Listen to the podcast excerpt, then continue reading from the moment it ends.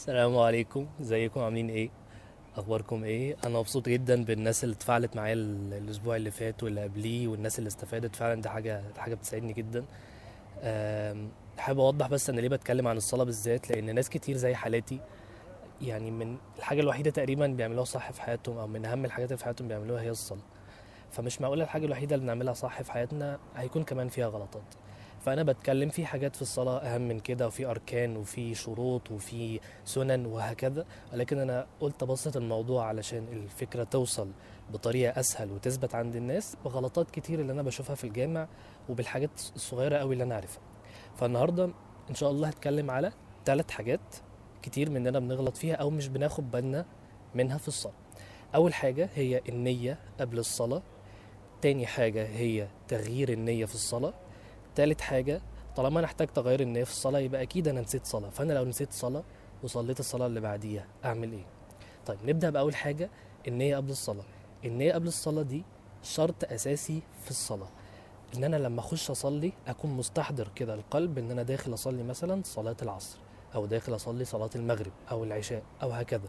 ولكن مثلا لو أنا داخل المسجد بسرعة وبصلي كده الله أكبر وأبدأ على طول أو حتى لو في البيت بصلي على طول وأبدأ على طول أنا مش واخد بالي وخلاص وفي النص اللي هو آه دي صلاة عصر اخليهم أربع ركعات. لا النية شرط أساسي من شروط الصلاة ومن غيرها الصلاة لا تصح. طيب النية بتبقى إزاي؟ النية محلها القلب.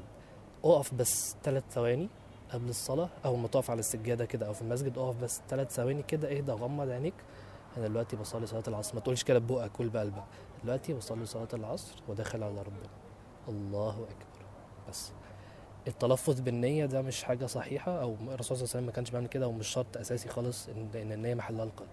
طيب تاني حاجة تغيير النية في الصلاة. دلوقتي أنا دخلت أصلي صلاة العصر وخدت النية وخلاص ودخلت وابتديت.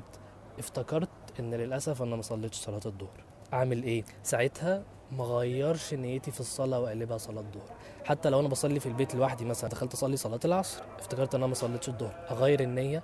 لا لأن تغيير النية في الصلاة بيبطل الصلاتين الصلاة العصر اللي أنا فيها والصلاة الظهر اللي أنا كنت عايز أصليها ففي كذا حل قدامي أولا أنا دخلت أصلي العصر إن أنا أكمل صلاة العصر عادي جدا وأخلصها في حل بقى إن أنا أخلصها وأصلي الظهر اللي فات قضاء وفي حل تاني وده الأحوط والأحسن إن أنا أصلي الظهر اللي فات قضاء وبعد كده أصلي العصر تاني لأن الترتيب في الصلوات مهم جدا. في رأي تاني خالص إن أنا أخرج من الصلاة اللي أنا فيها وأبدأ صلاة جديدة بنية صلاة الظهر. إلا لو أنا كنت في المسجد لو أنا كنت في المسجد وبصلي العصر فالأولى إن أنا أكمل صلاة العصر لأنها دلوقتي صلاة جماعة وطبعا الجماعه ثوابها أكبر بكتير من الصلاة الفردية. العلماء يعني اختلفوا في الموضوع ده وأنا مش عالم عشان كده مش هفتيكم أنا بس بقول لكم رأي العلماء رايح على فين. تالت حاجة هي لو أنا فاتتني الصلاة أعمل إيه؟ أنا قلتها خلاص. لو أنا فاتتني الصلاة أعمل إيه؟ دول دول الثلاث حاجات قدام. المهم ما اغيرش النية في الصلاة خالص وأحاول قد ما أقدر طبعا ما, ما ينفعش نفوت صلاة مهما كان. ربنا يا رب يغفر لنا ويرحمنا. وأتمنى تكون الدنيا وضحت كده إن شاء الله. ونشوفكم الأسبوع الجاي إن شاء الله في فيديو تاني في حاجات تانية عن الصلاة. يلا السلام عليكم.